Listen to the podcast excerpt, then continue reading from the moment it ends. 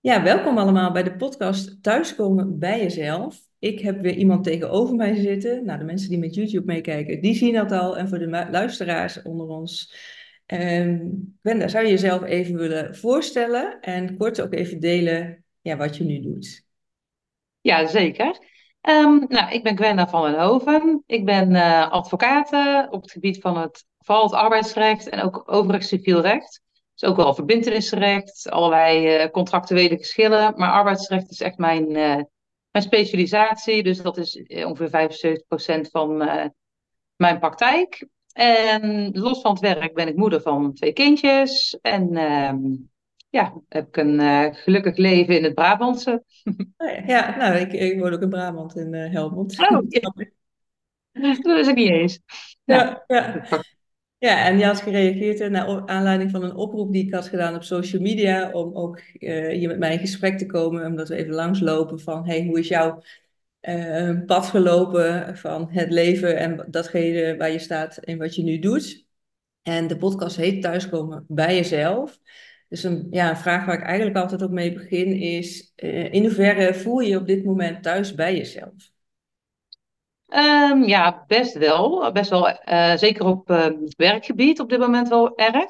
Ik heb hiervoor, um, ja, denk een jaar of dertien bij een middelgroot advocatenkantoor gewerkt. Wat commerciëlere praktijk. Ook wel sociale, sociale aspecten in de advocatuur. En ik, op een gegeven moment miste ik dan ja, een beetje het bewuste stukje in de geschiloplossingen. Het wordt dan in de advocatuur natuurlijk heel erg naar het juridische gekeken. Alleen ik, ik liep dan toch steeds aan van ja, maar zo'n geschil doet eigenlijk veel meer op iemands uh, leven. Veel meer dan wat eigenlijk aan bod komt dan bij een geschilbehandeling. Um, en daar wilde ik eigenlijk graag wat meer, uh, meer aandacht voor. En zodoende ben ik uh, voor mezelf begonnen om daar ja, wat meer op te kunnen, mezelf meer op te kunnen richten. En dat heeft mezelf ook weer wat dichter ja, bij de essentie gebracht. Ik ben wat dieper gaan nadenken van ja, waarom ben ik eigenlijk advocaat? En op een gegeven moment zit je helemaal in dat wereldje en je doet gewoon wat je moet doen. Maar ja, op een gegeven moment kwam er zo'n punt van nou, waarom uh, ben ik dat eigenlijk? En klopt dat eigenlijk allemaal wel? Ik had in eerste instantie het idee van oh, het is misschien gewoon toeval. Want ja, iedereen gaat maar rechten doen, uh, naar rechten, maar de advocatuur in. Maar dat bleek toch niet zo te zijn. Dat bleek wel te kloppen. Alleen ik moest er een paar dingen aan ehm, ja, bij schaven, zeg maar, om wat dichter bij de essentie te komen, zeg maar, van, ja, van wie ik ben en wat daar qua werk dan bij past, zeg maar. Dus nu heb ik eigenlijk een praktijk waarin ja, de cliënten, zeg maar, komen uh, die dat ook zoeken. En dan heb ik een wat meer bewustere inslag, zeg maar, uh, in het werk. Ja, dus door echt voor jezelf te beginnen en je eigen onderneming daarin te starten, kon je echt de invulling geven aan wat voor jou belangrijk was in de advocatuur. Ja, dat klopt, dat klopt, ja, inderdaad. En dan, doordat je ook bepaalde uitingen op social media doet en je gaat je, je eigen waarheid spreken, krijg je ook de mensen dan, de cliënten, zeg maar, de praktijk wordt anders dan. Hè, die komt, uh, ja, is misschien, uh, zijn wat meer werk, werknemers, zeg maar, die onrechtvaardig behandeld zijn. Dan ligt mijn hart dan dichterbij. En dan ja, komt het precies uh, ja, uit wat meer bij mij past eigenlijk. Dus dat, ja, ja zo heb ik een invulling aan gegeven. Ja, en, en was dan eh, het, want je zei ook het uiten van je mening, of zoiets zei je wel, was dat dan heel anders wat van toen jij in, in dat bedrijf werkte, in de advocatenzaak? ik weet even niet hoe je ja, dat ja. Was dat, week jouw ja, mening heel erg af van. nou van, ja, van ik heb wel.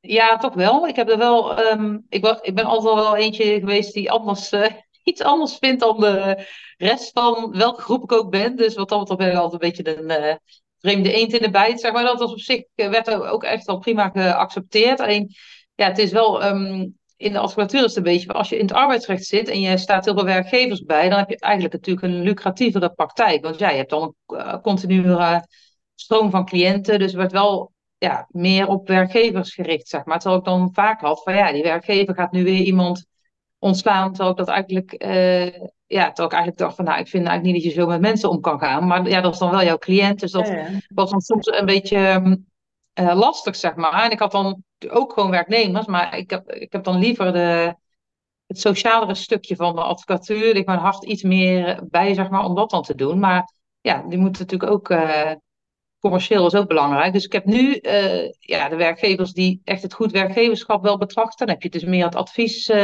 adviesstukje aan werk dan. Maar ja, ik vind procederen, procederen ook heel leuk. Dus dat, doe ik dan weer heel veel voor werknemers. Maar het is niet zo dat ik niet uh, kon uiten wat ik wilde. Alleen het was daar uh, meer op het juridische, zeg maar. Dat is nu ook. Alleen nu kan ik ook het stukje bewustwording en het manifesteren, zeg maar, waar ik mee bezig ben. En het stukje ontwikkeling wat ik in mezelf heb gestopt, dat ook vertalen in um, de advocatenpraktijk. En dat breng ik samen, zeg maar, in wat ik uh, ja, voor uitingen doe, zeg maar, op um, inschrijven van stukjes en dergelijke en zo. En daar, ja. ja. dat is dan net die andere inslag waar mensen zich dan door aangesproken voelen en ja, zich thuis voelen bij mij, zeg maar. Dus ja, dat uh, gewoon wat meer, ja. ik ben wel mezelf uh, nu, denk ik. Ja, want ik kan me ook wel voorstellen, als je voor een bedrijf werkt, dat het ook nog wel um, soms gevoelig ligt in hoe je je uit op social media. Je, je hebt het al over manifesteren. We kennen elkaar vanuit de groep van uh, Chanel Teachers, daar zitten we allebei in, hè? de manifestatie. Ja. Ik geloof dat ze zich zo noemt, weet even niet zeker. Maar ja, ja. dat is wel heel erg dat je dat een, een bepaalde manier natuurlijk van, van leven of bezig zijn met je eigen uh, leven invullen. Of dat ook hè, doorgeven aan anderen. Daar werk ik ook mee met uh, mijn eigen coachbedrijf. Maar ik kan me voorstellen als je ergens in loondienst bent, ja, dat niet iedereen daar zo op zit te wachten om op die manier nee. je te uiten bijvoorbeeld. Nee, nee, nee, nee, zeker niet. Ik had dan wel een remming echt van. Uh ja, toen ik dat pad opging van nou ja, ik kan er niet alles over gaan zeggen, want dan gaan ze je wel een beetje gek aankijken, zeg maar. Dus dan, ja. je pas je dan wel toch wel aan in zekere zin. En in eerst had ik dat niet zo door, paste ik daar wel gewoon nog heel goed uh, in. En gaandeweg, denk ik, naarmate die ontwikkeling steeds verder ging, um, voelde ik dat er gewoon niet meer, uh, ja, dat ik te veel van mezelf moest aanpassen eigenlijk om uh, in, de, in die wereld op die manier, zeg maar, te passen. Dus dat, ja, ja dan denk ja. ik dat het gewoon tijd is om dan verder te gaan. Misschien uh, kan ook zijn dat het niet klopt dat je dat zelf denkt. En dat het wel. Uh, aan de ene kant denk ik ook een invloed van iemand die eens even heel anders denkt in zo'n kantoor. Wat uh, ja, iets standaard juridischer is, is ook eigenlijk wel heel goed. Dus dat is ook jaren denk ik wel een meerwaarde geweest. Maar ja, het is. Heb je wel het eh, gevoel dat je daarin openlijk over kon en durfde te uiten? Um, ja, op sommige punten wel en op andere punten niet. En ook uh, afhankelijk van de personen waar je mee te maken had, zeg maar. Dus ik heb daar ook echt zeker wel uh, heel veel cliënten en mensen op mijn pad gehad die uh, wat heel goed pasten en matchten. En ik denk dat ik echt wel meerwaarde heb laten zien. Maar ja, over het algemeen is het wel um, de advocatuur een wereld waarin niet heel veel bewust mensen, zeg maar, zijn. En ik ben ook best wel wat met spiritualiteit bezig en zo. Ja, ik denk niet dat die mensen heel veel tegenkomen. Of, of het wordt niet echt geuit. Dat is toch een beetje een. Uh, lijkt een beetje in de taboesfeer wel te zitten, voor mijn gevoel ja, uh, in ieder geval. Het beeld wat ik heb bij de advocatuur, maar dat moet je ook zeker aangeven als dat niet klopt hoor. Maar ik denk het is heel rechtlijnig van je hebt zwart en witte regels van de wet. En dan is natuurlijk ook wel ergens een grijs gebied. Maar het is wel heel erg een soort van protocollen, richtlijnen, eisen, waar je, of tenminste dingen waar je je aan moet houden. En natuurlijk als je kijkt naar manifesteren of, of in de quantum way leven en werken, dat gaat ook om grootste durven denken en kunnen denken dan wat je in het hier en nu ziet. Maar in de advocatuur moet heb je met bepaalde feiten te maken. En uh, ja, hoe, hoe combineer je dat dan? Nou ja, dat vind ik juist zo mooi, want op zich je hebt natuurlijk een bepaalde zaak die je, uh, waar je een bepaald doel mee hebt. Je wilt resultaat behalen voor een cliënt. En ik vind dat manifesteren past er in mijn beleving dus gewoon perfect in. Want dan Um, denk ook, heb je wel als cliënten die zitten toch wel in een um, ja, negatieve flow soms, als in zo'n zaak komen, of als ze bijvoorbeeld ontslagen zijn of wat dan ook. En dan het manifesteren gaat heel erg uit van, vanuit je eigen kracht uh, naar een bepaald resultaat toe werken. Dus ik vind het juist zo mooi, zeg maar, uh, nou, om toe te werken van, nou, ik, ik vind, we gaan voor dit, uh, deze beëindiging met dit, deze ontslagvergoeding met juist met die mindset en alles wat ik daar weer uit geleerd heb, te combineren met gewoon ja, juridische argumenten, zeg maar. Want het is natuurlijk niet alleen. Het is ook een stukje stijl in, um, ja, en hoe je dingen wilt bereiken. En ik denk dan, nou, als je on ondertussen mensen dan wat mee kan geven. Bijvoorbeeld, ik doe dan aan het begin van een zaak, stuur ik uh, mensen vaak een linkje van een, uh, van een Meditation Moments app dan. Dan uh, heb ik zo'n 30 dagen link die ik dan mag delen.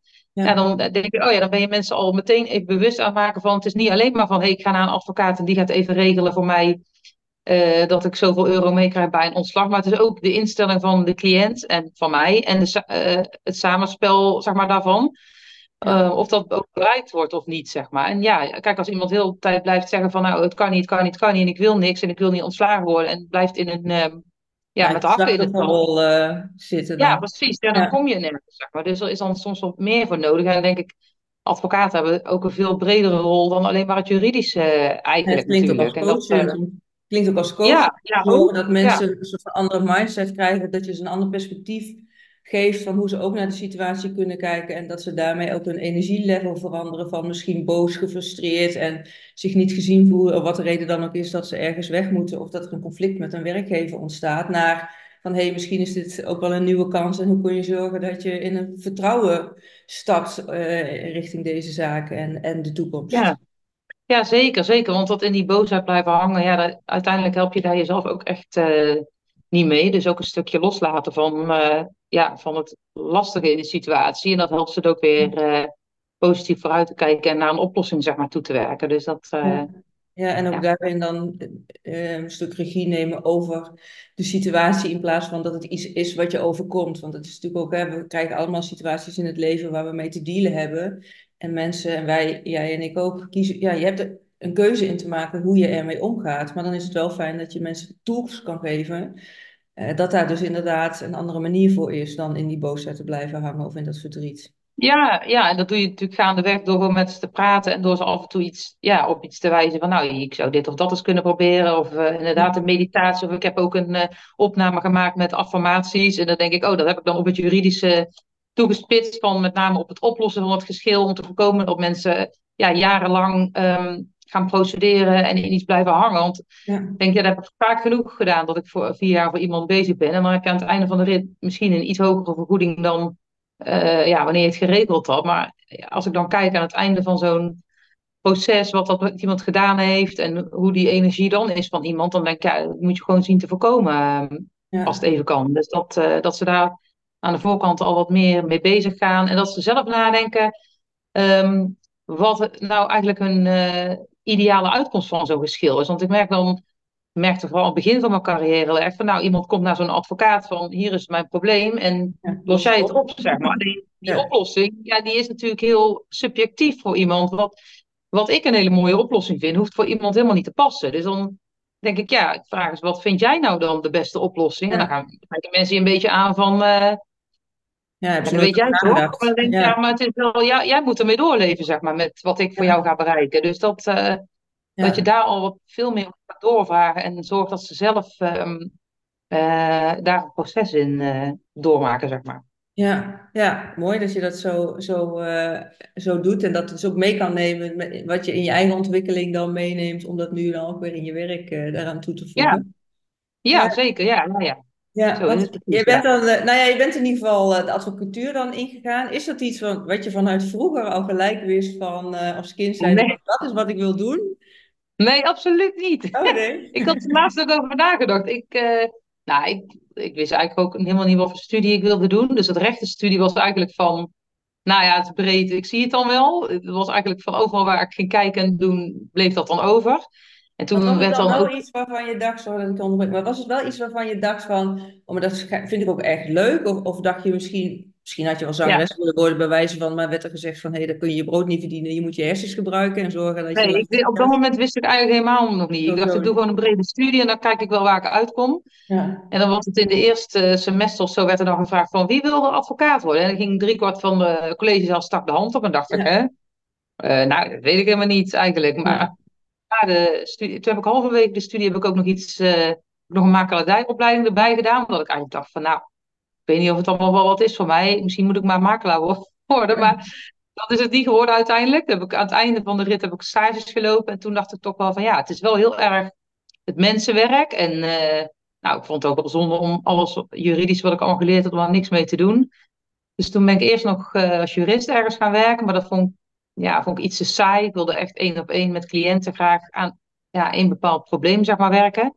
Ja. En dus daarna ben ik dus de advocatuur ingegaan. Toen bleek eigenlijk dat het echt wel, ehm, wel heel erg mijn, eh, mijn ding is, zeg maar. Dus dat, eh, Dus hoewel je dat bij het voordeel van de opleiding zeg maar nog niet wist, Nee, van eh, dit, hier word ik heel blij van straks in de toekomst. Maar nou ja, ik moet iets kiezen, dus laat ik dan dit maar doen. Kan ik nog alle ja, ja. op? Ik vond het heel wel abstract allemaal toen. Ja, Ik nou, hoe kunnen die mensen dat allemaal weten, dat, dat je dat Ja, wil. Maar ik vind wel het so- sociale stuk, ehm, het helpen van mensen en het eh, bereiken van een doel, dat past wel heel erg eh, bij mij, zeg maar, die zaaksbehandeling. Het is heel ja, overzichtelijk. Zeg maar van, nou, dit is het dossier, we willen dit gaan bereiken. Dat vind ik wel heel leuk. En je hebt die, aan de voor- en de achterkant kun je een heel verschil zien aan Ja. waar jij eh, aan bijgedragen hebt, waar iemand dan staat, zeg maar. Dus dat, dat vind ik wel heel mooi, dat je zo concreet aan iemands leven ehm, ja, bijdraagt, zeg maar, eigenlijk, als het even mee zit dan. Ja, nou ja, ervan uitgaande dat het werkt. En anders dat je in ieder geval mensen Ja. ook een aantal tools kan meegeven, wat je net al zei. Waardoor ze in ieder geval op een andere manier met de situatie om kunnen gaan dan Ja. in die slachtofferrol blijven zitten. Wat, wat de Precies. ook mogen worden. Ja, en ik zie het inderdaad niet al. Ik heb ook al collega's gehad die zeiden: Oh ja, ik, ik heb zoveel zaken gewonnen en die wil, ze- wil ze allemaal winnen, zeg maar. En dan dacht ik: Ja, maar daar gaat het mij helemaal niet om, om de winst. Want je krijgt natuurlijk ook zaken op je pad waarvan je bijvoorbeeld al weet: van nou, dit, dit wat je wil kan niet. Dit ga je gewoon niet winnen. Maar dan is er toch altijd wel iets ja, positiefs. Iemand heeft niet voor niks een bepaald geschil op zijn of haar pad, wat je dan toch ja, kan bijdragen of bepaalde schade kan beperken. Of toch, eh, je kunt altijd iets betekenen voor Ja. iemand, denk ik. Ook al is Ja, het dus niet... jij eh, kijkt wel heel erg naar de persoon die je voor je hebt, naar het mensgerichte, in Ja. plaats van naar het financiële stuk van alles moeten winnen, want dan eh, heb je extra Ja. rekening, bij wijze van. Ja, precies. Ja, Ja. precies. Dus, en ook laatst heb ik ook iemand bijgestaan die had, ja, die was een heel, heel principieel zat hij in de zaak en die wilde, ja, je hebt natuurlijk ruzie met iemand, dus er is boosheid en die wilde van alles eh, gaan doen. Maar ja, ik dacht ik, kijk de zaak, ik denk ja, dat gaat jou gewoon heel veel geld kosten voor mijn uren, maar ik denk niet dat het dat er uiteindelijk uit gaat komen. Ja, dan denk ik ook echt, is het echt je taak om dat wel Ja. te zeggen. Dan in eerste instantie wa- was de reactie daarop niet zo heel eh, blij natuurlijk, want die dacht van ja, oké. Dan denk ik, ja, ik, er zijn zat advocaten die gewoon uren gaan draaien. En denk, nou oké, dan kom je er maar achterna dat er eh, hoge notas zijn gekomen. Maar ja, dat doe ik dan liever niet. Maar dan eh, na een tijdje zie je toch wel dat iemand daar wel, was er heel dankbaar voor eigenlijk, dat ik daar toch eh, ja, zo eerlijk over was. En eh, had, had het daar toch echt iets gebracht. Terwijl Ja. ik denk, nou ja, het is dan misschien een andere uitkomst dan je hoopt. Maar ja, je, Ja, maar het is wel een stuk verwachtingsmanagement naar die persoon toe van, oh ja, wat is dan realistisch om, om welke strijd ga je aan en wat, Ja. wat kun je er dan, als je er iets uit wil halen, voor Ja. jezelf halen in plaats van dat En soms uh, juridisch gezien eh, als er echt een punt. Maar ja, dan denk ik, ja, als je, als je een advocaat per uur moet betalen en je kijkt naar het belang, is het soms toch niet eh, ja, zinvol om er dan mee door te gaan. eh.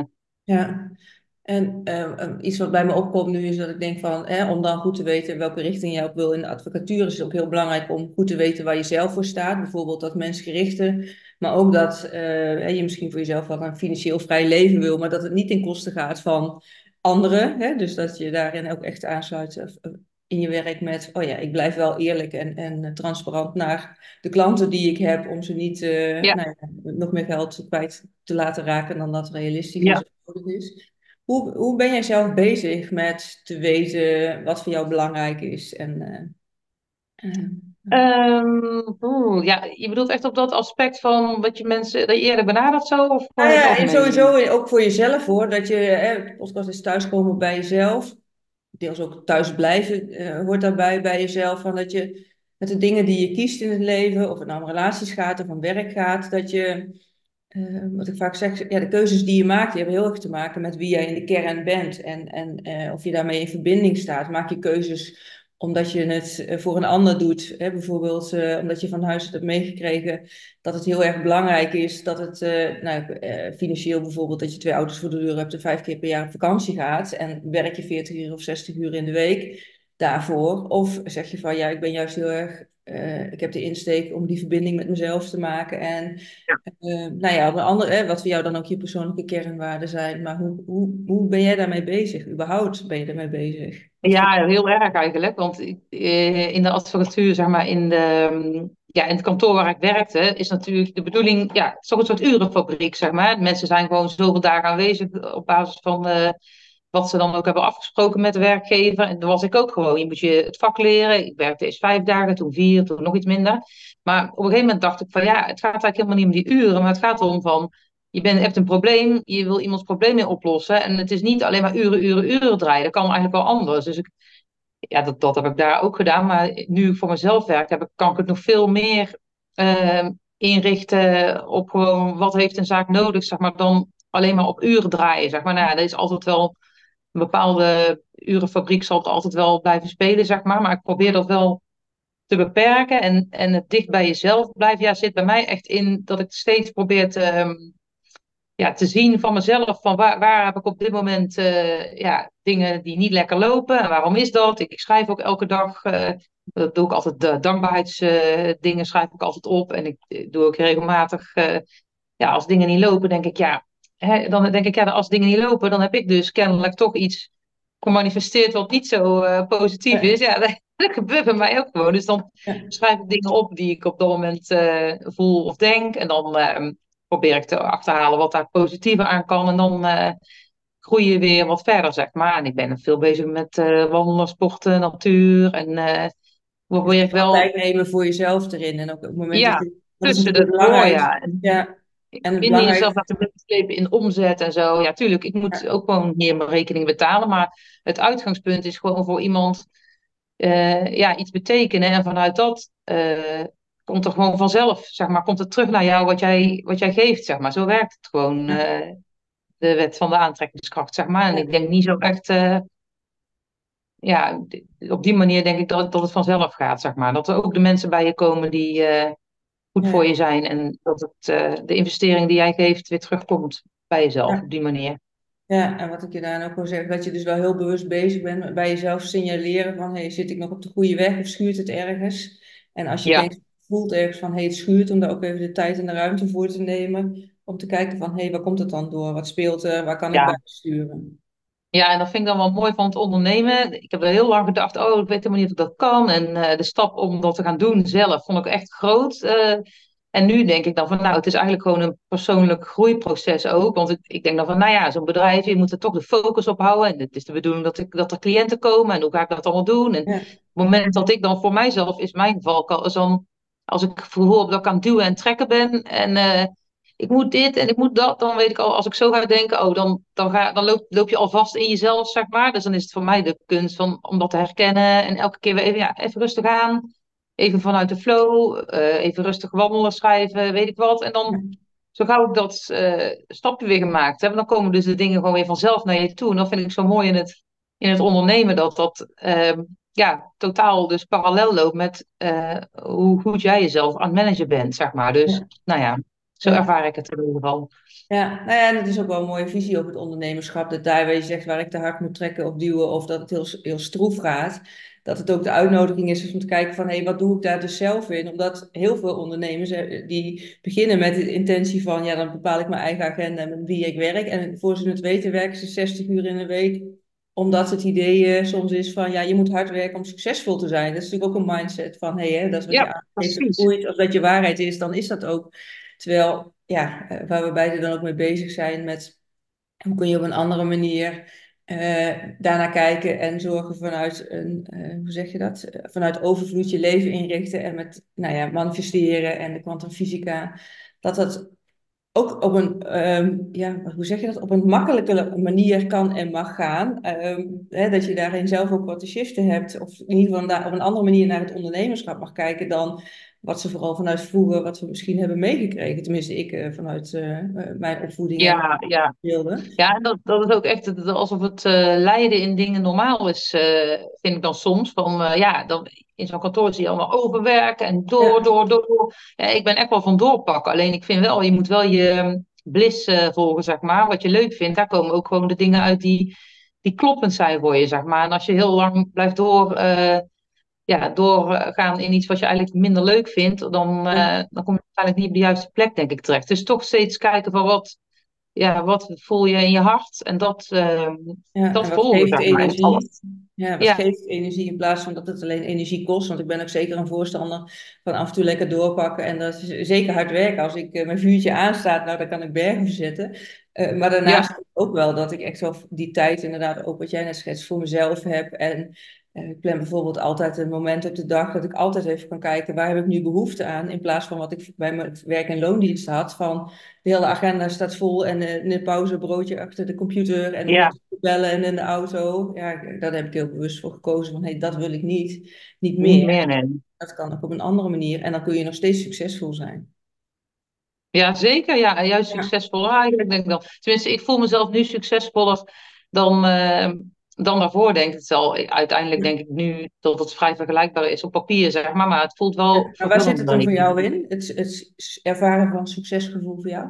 Ja, dat echt wel de cliënten, zeg maar, die echt uh, uh, passender zijn. Die gewoon uh, nu echt op mijn persoon, zeg maar, afkomen. Terwijl in een kantoor is toch van, nou ja, je komt op het kantoor af en dan wordt het ja, ergens verdeeld. verdeeld. En dan is maar net, ja, wie bepaalt die cliënt. Nou, soms komen ze ook wel eens op jou af, maar nu komen ze gewoon echt puur alleen maar op, op mij af, zeg maar, op wat ik uitstraal of doe. Dus dat, dat vind ik heel leuk dat dat nu.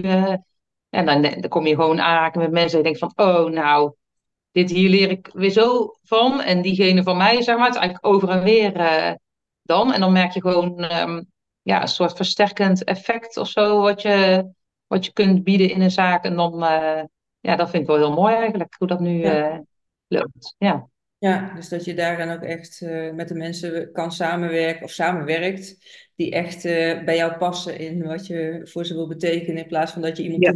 krijgt van in deze zaak heb je nu uh, te fixen voor ja, ja. bedrijf. Ja dat, ja. dat kan ook goed werken, maar je merkt wel vaak van, dat ook nog als je een zaak overneemt van iemand die ermee stopt of zo, ja, dan is iemand er al aan begonnen en dan uh, ja, moet jij het maar afmaken. Alleen ik vind uh, in de advocatuur is het wel echt heel belangrijk dat jij die advocaat hebt waar jij gewoon het vertrouwen in hebt en waar gewoon een goede match mee is. Want het is echt een samenwerking uh, die je hebt. Dus het is niet zomaar gezegd dat als jij een succesvolle zaak met de ene advocaat hebt, dat je dat met de ander ook zou hebben. Het is echt wel meer dan ja, het juridisch gewoon goed onderlegd zijn en zo'n zaak daar de juiste expertise voor hebben, dat is natuurlijk gewoon de ondergrens. Dus ik zeg ook altijd van nou mensen, als je op een bepaald rechtsgebied iets hebt, kijk dan gewoon ook of die advocaat echt gespecialiseerd is. Het liefst ook gewoon met een uh, ja, specialisatieopleiding heeft gedaan. Maar uh, zeker zo'n groot onderdeel vind ik gewoon de persoon en hoe klikt dat? En is er vertrouwen over ja. en weer om het tot een goed einde te brengen? Ja, ja je, ik kan me voorstellen dat je veel met elkaar deelt, of die cliënt in ieder geval veel met jou uh, op persoonlijke omstandigheden vertelt. Ja. En dat, dat er wel een Ja. Bepaalde vertrouwensrelatie uh, uh, moet zijn om dat ook goed uh, weer ja, mee te kunnen nemen. Ja, zeker. Ja. Heel belangrijk is dat. Ja, Ja, dat klopt. ja. Hey, en eh, even een ander uitstapje, want je zei ook, je bent ook moeder van twee kinderen. Hoe neem je ehm, dat mee richting hun opvoeding? Van, ehm, nou ja, hè, wat je ze meegeeft in bijvoorbeeld een studiekeuze of eh, überhaupt in het leven staan. eh, van, eh, Eh, nou, ze zijn nog jo- jong, dus ze Ja, zijn hoe eh oud zijn zes ze? en zeven, is nog geen studiekeuze Nee, dat is wel- maar ja, dus ik bedoel, ik vind kinderen moeten al, het zijn nog echt kinderen als ze al een bepaalde richting vaak moeten kiezen. Ja, Iets ouder dan wat je ze nu hebt, maar toch, het is al wel, het is vaak wel wat altijd gevraagd wordt. Wat wil je laten worden in plaats van wie wil je ja, laten zijn? ja, inderdaad. Nou, ja, we hebben echt twee gevoelige kinderen en ik merk ook wel ehm, ja, dat ze wel anders eh, dan standaard zeg maar, in zo'n school bijvoorbeeld gaan. En dan proberen we zo goed mogelijk te ondersteunen dat ze gewoon hun eigen weg gaan. En vooral eh, het is heel erg op prestatie gericht is allemaal. Van nou, de CITO hier, CITO daar, en dit moet, dat moet. Ja, dan denk ik soms van nou, mijn oudste zoon die eh, gelooft het allemaal wel. Dat is gewoon een droom. Maar ja, die gaat gewoon fluitend door het leven. Maar dat presteren, ja, dat heeft hij echt helemaal niks mee. En hij, hij, het boeit hem ook allemaal niet zo erg. En dan denk ik, nou ja, in het begin, dan, ja, zo wordt iets van je verwacht en je moet dit, moet dat. Maar ik ben er, we zijn er nu eigenlijk vooral in gewoon eh, het ondersteunen van wie hij is. En ja, Ja, dat te eren, zeg maar. En uiteindelijk denk ik dat ze toch op plek uitkomen waar ze horen te zijn, zeg maar, met de juiste support van ons. Dus ehm, ja, ja, probeer, we proberen gewoon zo min mogelijk mee te gaan in het eh, eh, ja, duwen en trekken wat er toch ook in de maatschappij wel geldt. Want ik merk dat echt dat dat meteen een, een druk wel op ze legt, eh, als, je, als dat wel is. ja. Dus Nou ja, wat ik vooral zie in het schoolsysteem, iedereen moet door dezelfde hoepels springen. En pas als je dat kan of ja, doet, dan mag je weer door. Terwijl ik denk, ja, er wordt heel erg gefocust op allerlei kenniszaken of schrijven, rekenen, talen. Terwijl heel veel mensen ook ergens anders, of kinderen ook iets ergens anders heel goed in kunnen zijn. Of het nou iets praktisch is of iets eh, creatiefs of nou ja, wat het dan ook mogen zijn. Maar hoe we leren om te leven, zeg maar, en met emoties om te gaan. Ja, ik weet niet hoe dat met jouw kinderen is, of ze dat nou meekrijgen op school, maar dat is vaak niet iets wat meegegeven wordt. nee, nee. Nou, ik- er wordt niet echt, eh, volgens mij niet heel veel aandacht aan besteed. Ik zag wel bij mijn oudste zoon hebben ze wel een soort poster hangen waar ze dan aan mogen geven van nou, ben je blij, ben je verdrietig, ben je dit of dat? En dan Ja. zie je wel dat kinderen ook zetten van nou, ik ben eigenlijk verdrietig, ja, want mijn kat is overleden of zo, of wat dan ook. Dus er wordt toch wel wat aandacht uh, gelukkig ook aan besteed. Maar ja, over het algemeen is het wel veel het presteren. En dan merk ik wel dat ze bijvoorbeeld uh, schrijven en lezen. Nou, dat gaat bij mijn oudste dan niet uh, volgens de normen, zeg maar. Daar is hij slechter in. Maar als je vraagt van een tekening te maken of een uh, topografie of zo, zeg maar, dat is dan, vindt hij dan heel leuk. En dan denk ik, nou ja, oké, dan gaat hij later iets, iets creatiefs doen. Ja, ook prima. Ja. Alleen, het is wel de neiging omdat dat een kind dan gaat denken van, ik kan het allemaal niet en ik ben niet goed genoeg. Dan, nee. dan ligt wel op de loer, zeg maar dan. Terwijl dan denk ik, nou ja, er zijn al heel veel andere kwaliteiten ja. Inderdaad, wat jij zegt, die iemand kan hebben. Maar gelukkig heeft hij helemaal niet, uh, dat heeft hij helemaal niet. Hij is er helemaal niet onzeker in. Dus dat, uh, daar houden ja. we ook zo. Dus ja. ja, fijn dat je dat ook dan mee kan geven. Ja, fijn dat je dat ook mee kan geven. Want, ja. Dat, want de druk van school kan natuurlijk groot zijn. Maar dat je als ouders wel een andere basis mee kan geven. Of in ieder geval een andere, ja, dat, dat er meer in het leven belangrijk is dan alleen. Ja. Ja, het was op een gegeven moment wel zo dat wij dan gewoon constant, zeg maar, hem toch beloonde, ook al had hij uh, onvoldoende. Dus ja, omdat wij gewoon zien, hij doet zijn best en het is, niet, het is geen onwil of zo. Maar op een gegeven moment, uh, ja, de notie van, oh, ik heb een onvoldoende er eigenlijk niet was. Dat, dat hij gewoon net zo blij naar buiten liep met een vijf als met een acht, zeg maar. Oh, ja. dus dat, uh, dat vonden ze dan op school wel een beetje raar. Maar ja, ik denk, ja, ik heb eigenlijk liever dat dat, ja. dan dat hij gaat zitten sikkeneuren van, oh, ik heb weer een vijf en het valt toch niet. En iemand, het kind wordt helemaal vervelend ervan. Uh, ja, met faalangst weet ik veel wat er allemaal gaat ontstaan. Ja, dus, uh, ja. Als, hij, als zij blij zijn, dan zijn wij blij. Uh. Ja, ja, en dan is het inderdaad ook kijken van, en hoe vind je daar dan ook je weg in laten? Want dat is nog steeds wat veel gezegd wordt van hè, je moet wel je papiertje halen of school halen. Terwijl als je kijkt naar wat ook heel veel succesvolle ondernemers zijn, zijn ook vaak mensen die hun passie hebben gevolgd zonder dat ze misschien een opleiding daarin hebben gedaan of überhaupt een opleiding hebben gedaan. Maar als ze echt kunnen doen waar ze blij van worden, dat vind ik soms het spanningsveld van, oh ja, moeten ze dan toch mee met een bepaalde stappen in de maatschappij hè, om, uh, om uh, nou, inderdaad extra papiertje in te halen of gaan ze helemaal ontdekken wat hun talent is en daar helemaal vol voor. Ik weet niet hoe jij daarin staat ja. als moeder zijnde van. Nou ja, als ik, uh, ik vind talenten volgen. Ja, als ik uh, bij mijn kinderen iets ontdek van nou, dit vinden ze helemaal superleuk. Ja, dan uh, lekker doen. Gewoon je, je hart en je volgen wat je leuk ja. vindt, vind ik eigenlijk vooral. Dus ik denk dat uiteindelijk komt iedereen op de plek waar hij moet zijn door juist de beslissingen te nemen die ja. goed voelen, denk ik. Dus ja, ik ja, ja dat herken ik wel heel erg. Hoor. Af en toe moet ik iets meer ratio erbij. Ja, weet ik niet, want we, we worden wel opgevoed, zelf in de maatschappij, waar je inderdaad veel hè, met je hoofd beslissingen neemt. Van weet je het wel zeker, denk er nog eens over na. Terwijl we eigenlijk helemaal niet leren te luisteren naar wat zegt ons gevoel nou eigenlijk. En om daar dan weer mee te verbinden. Dat is in ieder geval iets wat ik zelf de laatste jaren heel erg mee bezig ben geweest. Om dat weer te ontdekken bij mezelf. Van, oh ja, maar wat wil ik nou echt zelf vanuit mezelf? In plaats van, ik heb heel lang in de gezondheidszorg gewerkt. En toen dacht ik, oh ja, de logische vervolgstap nu is management in de zorgopleiding gaan doen. Tot ik dat jaar erin zat. Echt jaren met het idee gedaan van, oh, dat is echt mijn volgende stap en dat wil ik ook. Totdat er iets gebeurde waardoor het in één keer zo totaal niet meer matchte, dat ik er ook mee ben gestopt en het pad uiteindelijk ben opgegaan waar ik nu sta met mijn eigen coachbedrijf. Maar ook omdat ik het eigenlijk niet zo heb meegekregen van om in te checken bij mezelf. Inderdaad, van maar wat wil ik nou eigenlijk echt vanuit wat voor mij belangrijk is. In plaats van, oh, maar dit is een logische stap als je kijkt naar carrièrewijs, wat, wat überhaupt zijn. Ja, en dan je kijkt naar de mensen om je heen en zo, wat die allemaal gedaan hebben. Ja, bijvoorbeeld. En wat dan, uh, nou ja, als ik zat in de gezondheidszorg, dus dan had je of verder in de zorg specialiseren of inderdaad een managementkant op. Ja, en dan doe je ja, dat. Ik vind met dingen ook vraag het aan je hart ja. gewoon. Soms, ja. ja. ik weet ook niet alles. Ik zit ook echt soms met keuzes dat ik denk, oh, ik weet het echt niet. En sommige keuzes kun je nog niet maken, maar de meeste dingen denk ik, ik vraag het gewoon aan mezelf en dan komt er toch vanzelf een antwoord. Ja. Of gaat de natuur in en je denkt, uh, wat past er nou echt? Ja, dat om... Uit, ja, en nou, inmiddels doe ik dat ook hoor. Heb ik dat ook wel echt geleerd. Maar ik zie ook wel veel om me heen mensen die wel nog steeds in dat stramien zitten. Ja, ja heel ja. veel, ja. ja. Maar als jij uh, dat anders gaat doen, dan trek je vanzelf mensen aan die ook dat doen, merk ik ja. dan weer. Dat, uh, ja. Ja, je komt die groep wordt toch steeds groter dan. Ja, ja, en dat vind ik ook het, en dat vind ik ook belangrijk, bijvoorbeeld voor deze podcast dat we hierover hebben, zodat mensen hier ook weer door geïnspireerd kunnen raken. Of in ieder geval weten van hé, hey, er is meer dan alleen maar het lineair stappen zetten in het leven. Hè. Je mag ook grootste dromen hebben of je, inderdaad je hart volgen. Ook al weet je niet waar het je gaat brengen. En uh, ja, net als jij aan die studie bent begonnen, helemaal niet wetend of je het überhaupt wel leuk zou vinden, maar dat je er toch achter komt. Dat, het, dat het je in ieder geval uh, op het pad heeft gebracht met het doen van wat je nu doet. Uh, Waar je veel, ja, en dan weet je, de dromen mag ook wel gewoon. Ik merk zoveel mensen zijn zo um, heel rationeel ingesteld. En uh, ja, dat is op zich allemaal heel verstandig en zo. Maar waar zijn de dromen en de, wat, wat, waar je echt blij van wordt? En dat is denk ik de reden dat heel veel mensen toch ook een beetje wegzakken in die um, ja, burn-out, depressieve ja, gevoelens en zo. Wat ze allemaal aan het doen zijn wat ze denken dat er verwacht wordt. Maar zo, niemand staat nog, ja, heel veel, weinig mensen staan nog in connectie met... Uh, het diepere gevoel van wat, waar word ik echt blij van, zeg maar. Ja, dat uh, super zonde vind ik dat. Dus dat, uh, ja, dat, daarom vraag ik dat ook altijd aan die cliënten van ja, maar wat, misschien is dat ontslag wel jouw zegen. Ik bedoel, ja, je kunt super boos zijn, maar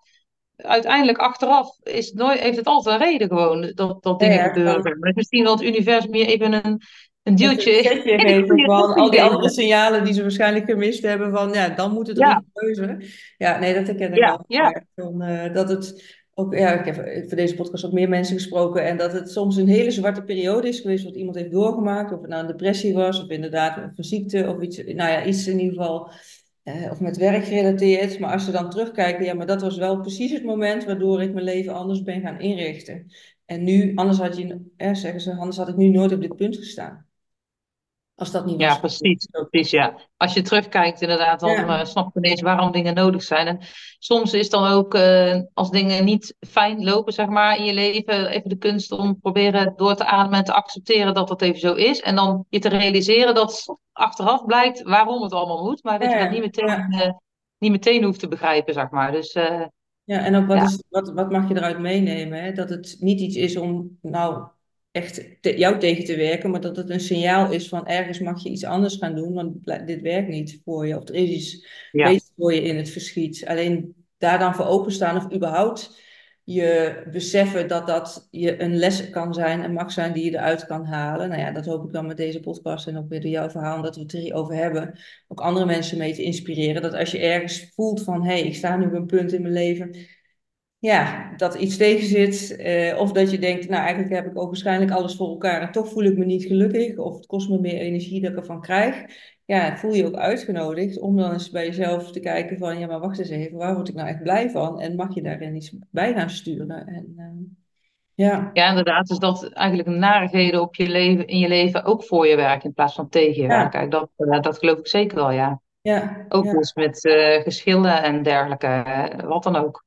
Ja, want ik kan me voorstellen, mensen die jij spreekt, dat die uh, soms ook echt in een situatie zitten wat voor hun de zwarte pagina van hun, of de zwarte bladzijde van ja. hun uh, kan zijn op dat moment zo voelend. Ja, zeker, zeker. Dat is heel vaak natuurlijk toch een groot onrecht wat iemand uh, ja, ervaart, zeg maar. En dat je toch in een soort van vechtstand komen. En soms ja. wordt in één keer een loon wordt in één keer stopgezet. Dus dat iemand gewoon ja. geen basis meer ja, onder, onder diegene wegvalt. Dus dat zijn allemaal wel grote dingen ja, in een leven, zeg maar. En dan ja, is soms de vraag van nou, uh, vechten of, uh, of loslaten, zeg maar. En als je wil vechten, dat zo kort mogelijk houden. En met je blik gericht op uh, wat je wel wil, zeg maar, daar een oplossing voor bereiken en weer door, zeg maar. Dat is, ja.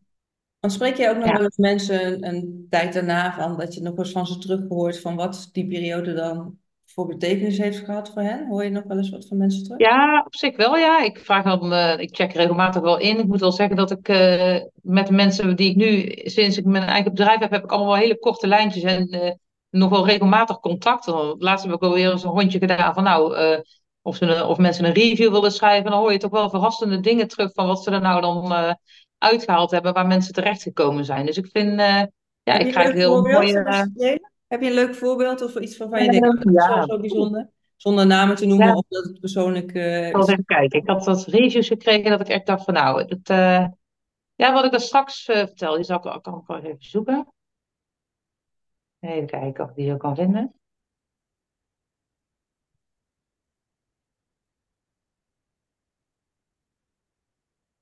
Even naar mijn Google, mijn bedrijf gaan. Ja. dus. Want ik denk dat het er, eh, ook voor de mensen die luisteren of kijken ook wel een mooie inspiratie ook weer kan zijn, inderdaad. Van hoe, eh, nou ja, hè, nogmaals, hoe zwart een bladzijde er ook kan uitzien in je leven. En als je dan zo meteen dat we gaan horen van jou van hé, wat het dan iemand ook weer gebracht heeft. Ook al is het misschien een hele andere situatie dan waar jij nu in zit. Maar toch dat het wel iets kan brengen. Ja, nou ja, door wat ik straks vertelde, eh, dat de zaak eigenlijk niet zo heel, ehm, ja, ik vond het eigenlijk te veel geld voor haar om eh ermee door te gaan. Zij schreef dan, Gwenna heeft mij super geholpen met mijn geschil. Ze heeft mij inzicht in mijn situatie gegeven en geleerd dat ik niet alles hoef aan te vechten. Soms zit de blessing in de fout die je hebt gemaakt en daarvan kan je leren. Dus dacht ik, ja, dat vind ik toch wel mooi, want eh, op zich, ja, het was best toch wel vervelend voor haar, zeg maar, dat ze toch een beetje be- mee bleef zitten. En denk, nou ja, je kunt dan iemand niet juridisch helemaal helpen, maar ik vond het wel mooi dat ze daar toch dan die, eh, ja, een bepaalde dankbaarheid in, eh, in zag, zeg maar. Dat het, eh, ja. Maar dat is ook, ja, we het net over hadden, die les iets van, oh ja, maar hier heb ik dus zelf iets uit te leren in plaats van iets overkomt mij. Ik mag, ja, ja, ja dat, dat, ook al eh, doet iemand je nog zo wat aan, zeg maar, uiteindelijk zit er altijd natuurlijk ook iets voor jezelf, voor jezelf in. En mensen soms geen, niet goed grenzen hebben gesteld, ja, te lang ergens aan blijven hangen, te veel geaccepteerd ja, hebben van een ander. Er zitten van allerlei dingen die je kan leren over jezelf in zo'n eh, in ja. zo'n situatie. En daar komen mensen dan toch wel achter, ehm, Ja. Ja, en dan vaak, is het mooi dat ze jou hebben of, of iemand anders, eh, om daar, daar wel die spiegel voor te krijgen en dat dan ook te kunnen horen. En ik kan me voorstellen, in wat je net zei, dan is de relatie wel heel erg belangrijk. Dat jij Ja, ook, wat, wat jij daarover eh, kan zeggen en wat je ziet, dat iemand dat ook kan horen, hè, dat het ook ja, binnenkomt. Want dat ja, is, dat is soms wel moeilijk, ja. Ik moet zeggen, daar heb ik nu minder moeite mee. Ik had in het begin eh, meer moeite mee. Nou, oh jee, dan moet ik die toch echt een soort van confrontatie gaan, eh, gaan geven met iets wat ik zie. Maar hoe meer dus de cliënten eigenlijk bij je, ja, op jouw frequentie zeg maar, zitten, hoe makkelijker dat eigenlijk ook is. Dus dan, ja, de lijn is zo kort en de band is zo goed dat de verbinding is dan zeg maar, dat je dat wel, ja, ja, dat ze dat ook aannemen. Dat eigenlijk gewoon gaandeweg gewoon loopt. Ja, en soms is zelfs dat iemand denkt van, nou ja, je bent er niet blij mee. Maar goed, dat is dan niet op mij gericht, maar op ja, de situatie, zeg maar. Ja, dan hou je denk ik altijd wel. Als advocaat moet je soms toch gewoon wel ook wat minder leuk nieuws eh, brengen ja. soms. Dat hoort er gewoon bij, helaas. Ja, Ja, ja, maar dat is en, en wat jij ook zegt van hè, met het eigen werk wat je doet en doordat je zo je, je hart volgt en eh, dat de mensen inderdaad op jouw pad komen hè, die, waar jij graag mee samenwerkt. Maar ik denk dat het andersom ook zo is dat de mensen die bij jou terechtkomen ook specifiek bij jou terechtkomen omdat ze juist van jou wat te leren hebben of, of jou, eh, ja, jij weer een, Ja, En een andersom leer ik er zelf ook wel van, hoor. Want ik moet zeggen, ik ben ben altijd heel, bijvoorbeeld eh, als mensen heel veel slachtoffergedrag of zo hebben, daar kan ik altijd heel slecht mee. Dan denk ik altijd, godsamme, geef jezelf een schop onder je kont en go, Ja, zeg maar. dan, dan denk ik, oh ja, oh ja. Maar eh, als jij zelf een irritatie voelt op zoiets, ja, is het ook voor mij weer, denk ik, oh, waarom heb ik dat? Dat is niet, ja, ja, dat, dat is over en weer in elke relatie of verbinding die je met iemand hebt, of het nou werk is of eh, wat dan ook, of een vriendschap. Er zit altijd wat in wat je elkaar zeg maar, kunt leren. En zo probeer ik nu eigenlijk eh, elk contact wat ik waar dan ook heb te zien. En dat je elkaar een stukje verder mag helpen op, eh, op je pad, zeg maar. Ja, en dus ook erg naar, dat naar binnen kunnen kijken en willen kijken ook voor jezelf. Van, oh ja, want het is Ja, natuurlijk heel makkelijk om het bij de ander te laten en te leggen. Dan hoef het ja, ja, ja. Maar ik hoor jou zeggen van nee, ik, ik zie wel in elke contacten en als er iets gebeurt, dat het zeker ook iets is wat bij mij speelt. Of dat je dat in ieder geval mag onderzoeken, wat dat is. Jazeker, ja. Ik, me- ik weet wel van, nou, als ik geïrriteerd raak of zo, van er zijn bepaalde dingetjes die eigenlijk niet horen. Hoe noem je dat? Ja, ik kijk dan, eh, human design heb ik wel eens mezelf eh, doorgehaald, zeg maar. Dan weet je van, nou, frustratie is een not Oh self-team ja, of zo. ja, Dat, dat ervaren. Als er stoom uit mijn oren komt achter de computer, denk ik, oh, eh, hier gaat het niet goed, zeg maar. Dan moet ik het dus. Wacht even, wat ja, ja. Dus dat, maar Ja, dat, vroeger was ik gewoon van, ja, oké, pff, dat had ik helemaal niet door. En dan ga je gewoon door, zeg maar. Maar dat is eigenlijk elk dingetje waarin je iets van onvrede in jezelf ervaart en doorgaat, is eigenlijk een soort zelfafwijzing, denk ik dan. En voor het negeren van een signaal, zeg maar. En uiteindelijk ga je gewoon, ehm, als je dat allemaal niet, niet op let, wat je lichaam je aangeeft, eh, dan, krijg je gewoon klachten op allerlei gebieden. Dus nu, eh, ja, ik ben heel gevoelig, dus al die dingen die ik voel, die eh transfer ik ergens en ehm, probeer ik te herleiden, zeg maar nu. Maar ik denk niet dat, iedereen zo bezig is. Maar Nee, maar daarom is het ook wel een stuk bewustwording te creëren. Want dat is inderdaad wat je zegt. Op het moment dat jij achter die computer heel gefrustreerd zit en je beseft niet van, oh ja, wacht eens even, maar wat gebeurt hier nou? En je gaat er maar mee door en de frustratie loopt steeds verder op ja, dan inderdaad, als er niks mee gebeurt of, of, of het neemt alleen maar toe, ja, dan is het risico op uh, fysieke of, of mentale klachten. Terwijl op het moment dat jij merkt van, oh, maar wacht eens even, wat gebeurt hier? En je pakt daar de regie over en je gaat er op een andere manier mee om, waardoor je de situatie doorbreekt, ja, dan, dan kom je natuurlijk heel anders in het leven te staan dan dat je met frustraties en boosheid ja. en door het leven. Ja, en die ruimte moet je jezelf ook gewoon geven, want ik ik dacht dan soms wel eens, als ik dan een beetje fluitend rondliep op dat kantoor en alle anderen liepen dan te stressen, van, dan denk ik ja, dat, dat ik wel eens aangekeken werd van ja, heb jij niet genoeg te doen of zo, waar je zo blij loopt te doen. Oh, maar dan denk ik, ja, maar het lijkt wel hoezo, alsof je altijd moet lijden om iets te kunnen bereiken. Je mag ook gewoon, je mag ook gewoon blij zijn en gewoon ja. dat dingen vanzelf gaan en dan, dan kan je ook gewoon geld verdienen en uh, lekker leven en alles en nog wat. En dat, ja, de mindset van heb ik zelf ook altijd gehad van je moet heel veel uren draaien en heel hard werken. En pas dan kan je, mag je jezelf wat gunnen. Ja, dat heb ik ook altijd wel uh, gehad. En dan probeer ik nu uh, echt anders uh, in te leven. Nu gun ik mezelf eerst gewoon alles. En dan komt vanzelf de rest wat bij me hoort, zeg maar. hoe is dat op je pad gekomen dat je hier zo anders in bent gaan denken en doen? Uh, nou, ik ben uh, door zeg maar, bij uh, het werk waar ik werkte, liep ik op een gegeven moment gewoon wel in, steeds in hetzelfde cirkeltje rond. Ik vond dat wel heel leuk, alleen ik, ja, ik haalde op een gegeven moment niet meer de voldoening eruit die ik nu wel weer ervaar, zeg maar, terwijl ik het werk wel leuk vond. Alleen ja, dat kwam niet meer helemaal ja, passend bij mij, zeg maar, uit. En toen ben ik gaan nadenken en boeken gaan lezen en heel erg in die, ja, dan ben ik begonnen eigenlijk met Master Your Mindset van Michael ja. Pilarczyk en zo, nog een beetje op het ja, dat vind ik dan zelf nog een, luchtig begin zeg maar, van, van zo'n zelfontwikkelingspad. En later ben ik wel iets meer uh, ja, spirituelere boeken. En dan haal je op een gegeven moment overal wat uit wat je kan leren. En ja, toen ik dat allemaal een beetje geïntegreerd had in mezelf, daarna ben ik het gaan toepassen uh, met een slag naar mijn werk, zeg maar ook echt. Dat ik dacht van ja, maar eigenlijk als je nou kijkt naar wat ik nu allemaal mezelf heb geleerd in de afgelopen tijd, zeg maar gewoon door allerlei boeken te lezen dat hoort eigenlijk gewoon ook in, um, in zaagsbehandeling gewoon plaats. En toen dacht ik in één keer van ja, maar je, blijft, je blijft gewoon een heel, heel stuk liggen. Nou, ik ben geen coach, zeg maar, zoals jij, zeg maar dan. Maar ja, kan wel, uh, er kan wel iets meer bij komen, zeg maar, dan alleen maar voor we gaan nu die loonvordering in de dagvaarding zetten en we zien wel hoe het uitkomt. Maar ja, kunt iemand wel... Ja, dus ik probeer die men, de mensen ook een beetje mee te geven. Ja, de bewustwording op, en dan wel gericht op het geschil, zeg maar. Uh, ja.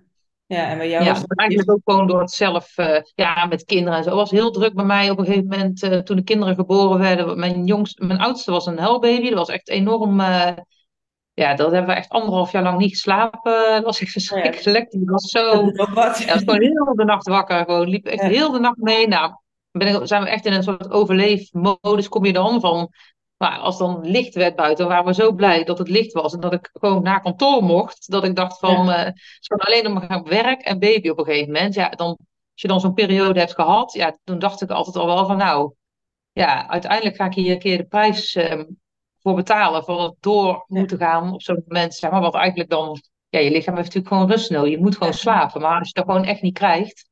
Ja. Dus toen heb ik dat ook een paar jaar later, uh, is dat er dus wel uitgekomen van dat dat... Uh, dat er allemaal toch niet meer klopte, zeg maar, uh, in mijn leven, hoe het toen lag, zat, zeg maar. Dus zodoende ben ik uh, ja, dingen gaan aanpassen. Ja, en dan Eén keer de tijd doet dat een keer, denk ik. Ja, maar dan in eerste instantie vanuit zelfonderzoek van bepaalde boeken die je aanspraken en zo. Nou ja, Michael Pilatschik en zo rol je misschien van het een in het andere. Maar wat ja. er dan meer op je pad komt, of mensen die in je pad komen, of trainingen die je doet, zoals je nou ook bij Janelle dan in. Ja, en en ook dat ik dacht van, uh, nou ja, als je een huilbaby hebt en je denkt, eerst denk je drie maanden, oké, okay, maar drie maanden. Dan misschien wel zes maanden is het over. En als het dan een jaar is op anderhalf, denk je, oh jee, nou, wij gingen over alles zoeken van, ik heb alle, ik denk dat ik wel zelf wat boeken kan gaan schrijven over huilbaby's, want je zoekt alles uit. Maar als ik dan nou spiegel op uh, gewoon een probleem hebben, een geschil hebben, dacht ik ook gewoon, het zit hem ook gewoon in acceptatie. Want op een gegeven moment dacht ik van ja, we kunnen dit niet oplossen. Hij huilt, uh, hij slaapt niet, het is zo. En toen was het vrij snel uh, opgelost, zeg maar. Dus dan denk ik ook van, nou denk ik dan ook soms wel. Zo is het eigenlijk ook met een. Uh, je kunt ook niet aan elk juridisch geschil wat doen. Soms moet je het ook gewoon laten. En accepteren en kijken hoe de dingen dan eh, uitvallen. Dus ja, een beetje gewoon een les, zeg maar, eh, heb ik eruit gehaald. Ja, en die zullen we nog veel meer krijgen in het leven, want dat is denk ik ook, hè, hoe verder je komt in het leven, er zijn altijd dingen die je weer triggeren. En net als je denkt, Ja, nou, dat thema heb ik, onder, heb ik inmiddels wel gehad, every level has its devil, dus dan komt er wel weer iets nieuws eh, op, op je komt pad. er weer, komt er weer Ja, nieuw dubbeltje uit een doosje, ja. ja, nee, daarom. Dus eh, nou ja, dat vind ik ook wel het mooie aan. Nou ja, als je dan zo bezig gaat, dan merk ik zelf met persoonlijke ontwikkeling. Ja, ik word er ook gewoon heel blij van. Ik weet niet hoe dat voor jou is, maar dat ik denk dat ik nu ook met mijn eigen bedrijf, dat ik ook de tijd en de energie heb om daar ook echt invulling aan te geven. Dat had ik met mijn 40-urige werkweek en een Nee. operatie. had ik dat eigenlijk niet.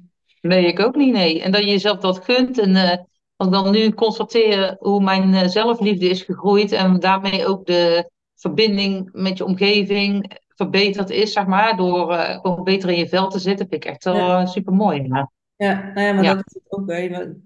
Soms zeggen mensen van, van, ja, maar als ik voor mezelf kies, eh, dat klinkt- is dan egoïstisch. Maar ik denk, ja, als jij tijd en energie voor jezelf hebt en daardoor lekker in je vel zit, straal je ook uit. En daar liften mensen op mee. In plaats van dat jij eerst en alles en iedereen maar voorop zet en dan jij komt als laatste en je mist de tijd voor jezelf. Ja, daar wordt, wordt ook niemand blijer van uiteindelijk als jij ziek en neurig door de dag gaat en je kinderen krijgen dat weer mee. En is ook Nee, belangrijk ook echt wel jezelf wat meer ja, gewoon bovenaan te zetten en te doen waar jij blij van wordt. Dan straal je dat ook weer uit naar, eh, naar de mensen om je heen. Ja, zeker, zeker, ja. En dan zullen er Ja, ook mensen afvallen die het er allemaal niet mee eens zijn. Maar er komen ook weer zoveel mensen bij die het wel, eh, ja, ja, waar je wel mee eh, resoneert dan op dat moment. Dus ja. ik vind het een mooie, eh, mooie ontwikkelingen. Ja, nou ja, en, en andere mensen brengen ook weer inderdaad iets met zich mee waar je weer wat van leert of eh, mooie eh, relaties kan opbouwen. En dat vind ik het mooie nu ook van social media en van nou, dat we dit gesprek hebben, maar ook merk ik zelf, in, en jij zit dan ook in zo'n groep, ja, je ontmoet zoveel mooie mensen, je krijgt weer zoveel andere input dan dat je in je eigen alleen kleine kringetjes, om, wat ik eerder had, eh, bent. Ja, zeker. Ja, dat heb ik ook. Ja, heel erg. Gewoon eh, even verder kijken dan je neus lang is. eh, kijken waar Ja, jij, eh, ja, waar jouw boodschap ook ontvangen wordt, zeg maar. Het is gewoon, je kunt hetzelfde verhaal allerlei groepen vertellen. En er, het, kan niet resoneren. En een andere groep heel erg wel, zeg maar. Dan, ja, in die ja, groepen op Facebook kun je natuurlijk heel erg zoeken naar ehm, mensen die op jouw level gelijkgestemden, ja, zeg maar.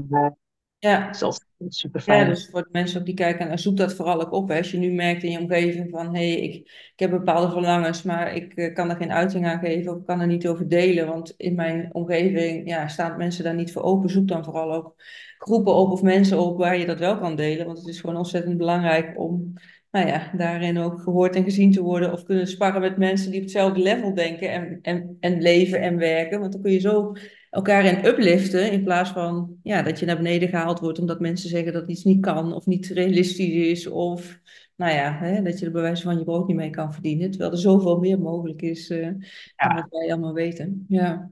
zeker, ja. En je hoeft niet per se in de rat race te blijven zitten. Nee, zeker niet. kunt ook gewoon, eh, je kunt ook zo gewoon in één keer je eigen bedrijf beginnen en dat lukt dan gewoon. eh. Ja, Want dacht ja, toen ik van tevoren begon, dacht ik ook van nou, ik zou niet weten, ja, waar moet ik klanten vandaan halen? Weet ik ja, niet, weet ik allemaal niet. Maar nou ja, het gaat uiteindelijk gewoon om de intenties te zetten, hè, wat, wat je wil bereiken en wat je wil aantrekken. En eh, nou, dat, ik schrijf dan ook vaak op van eh, iets wat ik nog wil, dat ik gewoon ja, alsof ik het al heb, zeg maar. En het ja, komt gewoon wel. Dus echt wel. eh, ja, dan denk ik nu in januari, dacht ik, oh, nou ja, de teller staat weer op nul, zeg maar. Van, oh jee, dan heb ik ook echt alweer even een momentje van, ja, als je in dienst bent, weet je toch gewoon dat je salaris altijd komt. Maar ja, dan had ik ook wel van, ook moeten omzet gaan draaien, maar dan was het iets minder, eh, ja, erg als dat niet zou zijn. Maar dan denk ik, ja, elke keer als je dat weer kan loslaten en dan, en de dingen komen weer naar je toe, dan denk ik, nou, dat doe je, dan is het, dus- doe je het dus kennelijk toch iets goed. Dus dat, ja, eh, ja. dat, dat elke keer opzoeken. Want had jij ondernemers ook in, je, in jouw omgeving toen je begon? Of, of werd het Nee. gestimuleerd? Of was, was het juist dat iedereen zei, nou, waar begin je aan? Hoe ging dat bij jou?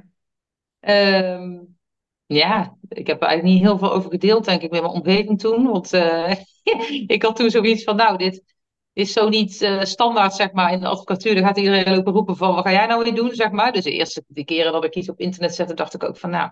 Maar eerst hoorde ik eigenlijk weinig geluiden en toen kwamen vanzelf eigenlijk de positieve geluiden. Maar heb dat puur zelf eh, bedacht. En ik dacht, ik laat me gewoon lekker niet meer tegenhouden. Ik ga dit gewoon doen. En Echt even als mindset van ik ga hier gewoon vol voor. Ik laat me niet tegen ja, wat anderen er ook van vinden, ook met delen op social media. Want ik kan me voorstellen dat je misschien in het begin wel een drempel over moet van oh wacht wat ga ik nu allemaal Ja, zeker, ja. Eerst al gewoon voor een blogje wat, waar dan iets in stond wat toch ook een beetje spiritueel was. Want dan weet je natuurlijk toch wel dat andere advocaten of zo uh, denken de neus voor ophalen of zo. Maar dan dacht ik op een gegeven moment van ja, maar maakt mij dat eigenlijk uit? En toen was ja, het tweede van nou, uh, oh jee, iets van een foto van jezelf. Want ja, mensen moeten je ook leren kennen. Nou, dat wilde ik ook niet. En de, het andere druppeltje was weer een keer een filmpje opnemen, weet je. En dan denk je, ja, ja, als je al die drempeltjes elke keer neemt, je komt wel elke keer toch weer uit je comfortzone. En je doet uh, de dingen die dan bij je passen. En daarmee ook... Um, ja, kom je dichter, weer dichter bij jezelf. Dus eigenlijk wat jou, uh, hoe jouw podcast ja, eigenlijk heet. Dus dat is wel uh, Ja, soms ervoor nodig, zeg maar. daar waar het spannend is, dat je toch die stap zet, omdat je weet waar je het voor doet eigenlijk ook. Hè? Ja, ja dat het bij je innerlijke waarheid, zeg maar, hoort of zo. Ja, Dat, uh, ja, en dat het belangrijk is om echt die stappen te zetten. Om, nou ja, dat eh, daarmee ook de pad, het pad vrijgemaakt wordt, dat mensen je ook kunnen vinden. Want uiteindelijk is dat natuurlijk ook ja, belangrijk, als je je eigen praktijk hebt, dat mensen weten waar je voor staat en wat je doet, hoe spannend het nou misschien zeker, ja, inderdaad. is. Ja. En ik denk dat in de advocatuur mogen echt wel wat meer um, ja, licht, uh, mag echt wel meer licht komen, zeg maar. Vanuit een positievere invalshoek dat dingen bekeken worden. En dat kan, uh, kan heel sceptisch naar gekeken worden. Maar uiteindelijk voel ik dat dat, dat, dat nodig is gewoon in deze tijd. Uh, Ja, juist binnen een ouderwetsere beroepsgroep en binnen een wereld waarin toch dingen op een bepaalde manier gaan. Ja, als iedereen zich allemaal maar aanpast aan aan wat er verwacht wordt, of dat nou binnen een schoolsysteem of binnen welke beroepsgroep dan ook is. En dan komen natuurlijk nooit, uh, worden er nooit dingen veranderd of verrassend of zo. Dus ik denk dat je echt gewoon uh, je eigen pad daarin mag volgen. En dat ja, daardoor juist de magie, zeg maar, ontstaat um, in dingen. Ja. Dat ervaar ik nu in ieder geval wel, en, ja. en mensen die, uh, met wat voor problemen kunnen mensen bij jou terecht? W wanneer zijn mensen bij jou het goede adres? Uh, nou, bij, op arbeidsrechtelijk gebied eigenlijk gewoon alles wat met je arbeidsovereenkomst te maken heeft. Dus ik doe heel veel ontslagrecht. Als je een, uh, met een beëindiging van je arbeidsovereenkomst geconfronteerd wordt, of als werkgever zelf iemand wil ontslaan of een reorganisatie of iets dergelijks doorvoert. En um, ja, ook bij, met loonvorderingen, salaris wat niet betaald wordt, of in ziektesituaties, alle soorten verschillen tussen werkgevers en werknemers, zowel voor werknemers als voor werkgevers eigenlijk dan. Ja. En um, dan ook het, uh, het civiele, ja, dat is eigenlijk natuurlijk heel breed. Dus eigenlijk contractuele geschillen. Ik doe ook wel eens wat uh, paardenzaken. Dus dat bijvoorbeeld uh, ja, paard met een stalgebrek noemen ze dat dan, Oh, ja. wordt verkocht. En dat er daarna dan problemen ontstaan. Daar procedeer ik over. En over allerlei andere, soms ook zelfs burenrechtsgeschillen. Noem het maar op. Ja. Het zijn een aantal rechtsgebieden die ik niet doe. Dus ja, bijvoorbeeld uh, strafrecht, persoon- en familierecht, dan moet je niet bij mij zijn. Maar puur het arbeidsrecht is echt 75% van mijn praktijk. En um, dat algemeen civielrechtelijke geschillen daaromheen. Ja. Zeg maar. ja. Uh, mochten er mensen zijn waarvan ze denken, nou, ik uh, word wel aangeraakt door deze podcast. Ik, heb, ik zit ergens mee en dat ze jou uh, om advies willen vragen of willen kijken of, er een, of jij hun kan bijstaan. Waar kunnen mensen jou dan vinden? Waar ben jij... Um, nou, op de, via mijn website www.vrijvanjegeschil.nl uh, kan ook altijd een e-mail sturen naar info.vrijvanjegeschil.nl Ik zit ook op allerlei social media, LinkedIn, gewoon onder mijn naam, Gwenda van der Hoven of Vrij van je Geschil. Instagram zit ik op, Facebook zit ik op, zowel met Vrij van je Geschil als gewoon naam. Zelfs TikTok zit ik op, maar daar ben ik Wow. nog niet heel, uh, ja, dan moet je filmpjes doen, dus dat heb ik nog niet super erg, maar... uh, Ja. nou, ik uh, probeer op alle social media te zitten, zodat mensen mij kunnen vinden. Ja, Ja, ja. Maar komt vooral een mailtje of een berichtje via zo'n platform. Dan kom ik vanzelf in contact. Ja. ik zal in ieder geval uh, van de show notes van de podcast zal ik ook jouw contactgegevens even zetten. Dat eh, mochten mensen die nu luisteren of kijken denken van hé, hey, maar wacht eens even, ik ben, daar wil ik wel even in contact mee komen. Of ik heb iets waarin ik de samenwerking met jou wil onderzoeken. Dan kunnen ze daar in ieder geval jou vinden. Is er nog iets Ja. onbelicht gebleven. Brenda, dat je zegt van nou, dat zou nog wel, zou nog wel even mogen noemen of, of iets wat je Nee, ik denk het wil meegeven? Die luisteren. Of... Mm, ik denk het wel aardig, uh, Ja. aardig uit de verf gekomen. Ja, Ja, nee, gewoon uh, alles is aan bod gekomen, denk ik. Ja, nou dat idee heb ik ook. En daar waar mensen nog vragen hebben, dan uh, zoek ons vooral op ons beiden op social media. Of laat ons vooral ook weten wat je uit deze podcast haalt, wat je grootste takeaway is. Of, of iets waarvan je denkt van, hé, hey, dat heeft me echt wel even geraakt en aan het denken, voelen gezet. Laat het ons dan ook even weten, want dat vinden we, ja, ik spreek maar even voor ons beiden. Leuk om... Ja, ik ben het helemaal met je eens. en daar waar je denkt van, oh ja, deze aflevering mag ook door een andere persoon gehoord worden, misschien in je netwerk. Of dat je denkt, nou, deel het vooral ook op social media, tag ons daarin. Want hè, we hebben allebei ons eigen netwerk, maar hoe meer mensen ja, dit horen en, en meekrijgen, hoe mooier het is. Want hoe groter die, uh, ja, die bubbel wordt, zeg maar, dat mensen ook ja, op een andere manier dan, dan het reguliere, uh, hè, of je het nou hebt over gezondheidszorg, maar ook over het strafrecht of, of nou ja, het, uh, alle, wat met juridische zaken te maken heeft dat, dat, uh, dat er ook andere wegen in zijn dan soms alleen maar de standaard die je kent. En daar ben jij denk ik een mooi voorbeeld voor. Dat je ook ja, op een andere manier daar invulling aan geeft dan alleen vanuit winstbejag of zoveel mogelijk geld maken. Maar dat je echt ook oog voor de mensen hebt. En, en dat meegeeft van hoe, hoe sta je in het leven? Met welke energie ga je in een zaak in? En wat wil je bereiken? En hoe geef je daar invulling aan? Ja, en ja. gezond ook voor jezelf, denk ik. Ja. Dank je zegt. Ja, ja. Oh. Dankjewel. Voor ja, jij ook bedankt dat ik mocht komen in je podcast. Ik vond het heel leuk. Dankjewel. Ja, en uh, nou ja, we laten we contact houden. Ik wil in ieder geval uh, de luisteraars en de kijkers heel erg bedanken voor het, uh, ja, het, het beluisteren en bekijken van deze aflevering. Um, ik sluit ook even af waar ik altijd mee afsluit. En dat is, ja, heb een hele mooie dag en een heel mooi leven. En tot in de volgende aflevering. Nou, dankjewel voor het luisteren naar deze podcastaflevering. Zoals gezegd, in de show notes de contactgegevens van Gwenda. Dus mocht je met haar willen samenwerken of nog een vraag voor haar hebben, stuur haar dan vooral een berichtje. En op het moment dat jij nou denkt, ja maar wacht eens even. Ik voel ook in mijn leven dat ik een bepaald pad opgegaan ben, maar ik voel dat mijn hart iets anders zegt of mijn intuïtie of wat het ook is wat bij jou het signaal geeft waar je, als je gaat onderzoeken bij jezelf, dat het misschien ergens schuurt. Zoek dan vooral contact met me, stuur me een DM of mail naar info info.sbkl.nl. Omdat ik zelf wel heel erg de visie heb dat het heel erg ondersteunend is om niet alleen dit te gaan onderzoeken voor jezelf. Maar dat je daarbij iemand hebt die jou een spiegel kan voorhouden. Die met je mee kan denken. Je bepaalde perspectieven kan laten horen die je voor jezelf niet kan bedenken. Maar ook, dat is ook wat ik doe, dat ik je door een andere bril de wereld in laat kijken. Waardoor je ook hele andere mogelijkheden en kansen ziet dan dat je tot nu toe misschien wel in je blikveld hebt gehad. Ik kijk er naar uit je te ontmoeten om met je in te zoomen op jouw persoonlijke situatie en van daaruit een start te maken. Bijvoorbeeld met mijn zes maanden traject Unlock Dan weet je zeker dat 2024 jouw mooiste jaar ooit gaat zijn. En dat het de opstap is naar jouw mooiste leven. Als dat iets is wat je wil, dan wacht niet langer met het sturen van een berichtje. Het is nu 15 januari dat deze podcast opgenomen wordt. 16 januari, dus morgen, is mijn verjaardag. Dan word ik uh, eh, 45 jaar jong, oud, hoe je het maar wil zien. In ieder geval ga ik mijn nieuwe levensjaar in. En op mijn social media account op Instagram zal ik in mijn stories een hele mooie actie gaan delen. Dus op het moment dat je dit uh, nu luistert en je kan nog meeliften op 16 januari 2024, hou dan vooral mijn stories van Instagram in de gaten. Want dan ga je een actie voorbij zien komen, die kan je niet laten lopen. Dat kan ik je wel vertellen. En voor nu wens ik je nogmaals een hele mooie dag en een heel mooi leven. En ik spreek je graag in de volgende aflevering.